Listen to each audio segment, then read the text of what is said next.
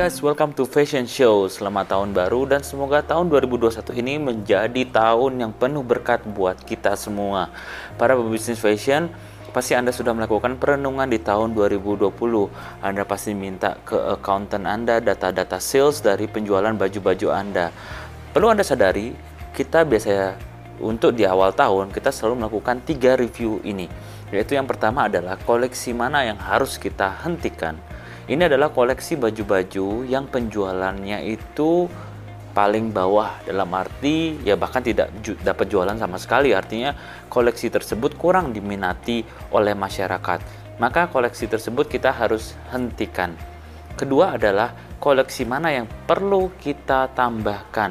Dalam arti koleksi yang sudah termasuk dalam kategori best seller atau top sales kalian di tahun 2020 maka itu harus diteruskan atau ditambahkan lagi. Jadi kalau udah stoknya menipis, kita harus restock lagi.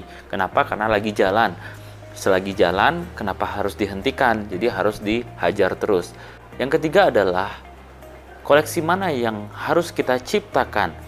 Jadi nggak hanya kita harus hentikan, kita harus tambahkan, kita juga harus menciptakan koleksi-koleksi baru supaya orang-orang atau customer kita yang loyal kepada kita itu tidak bosan dengan koleksi-koleksi kita. Masa koleksi kita tuh itu-itu aja.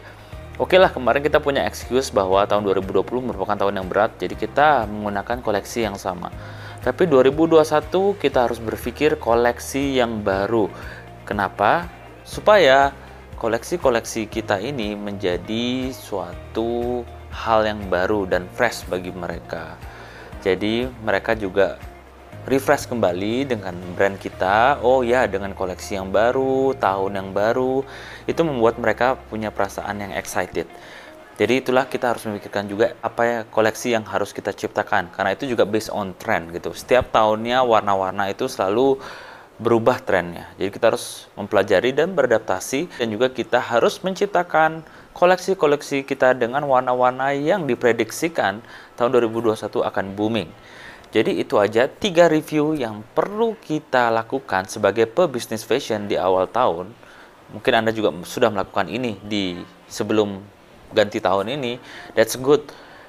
Dan itu yang memang harus kita lakukan. Ingat tiga review itu apa yang harus dihentikan, apa yang harus kita tambahkan, apa yang harus kita ciptakan.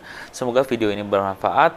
Kalau ini bermanfaat, jangan lupa untuk di like, di share, dan di subscribe ya channel saya dan juga nyalakan loncengnya. Jangan lupa selalu belajar, be grateful and take action. Salam fashion show.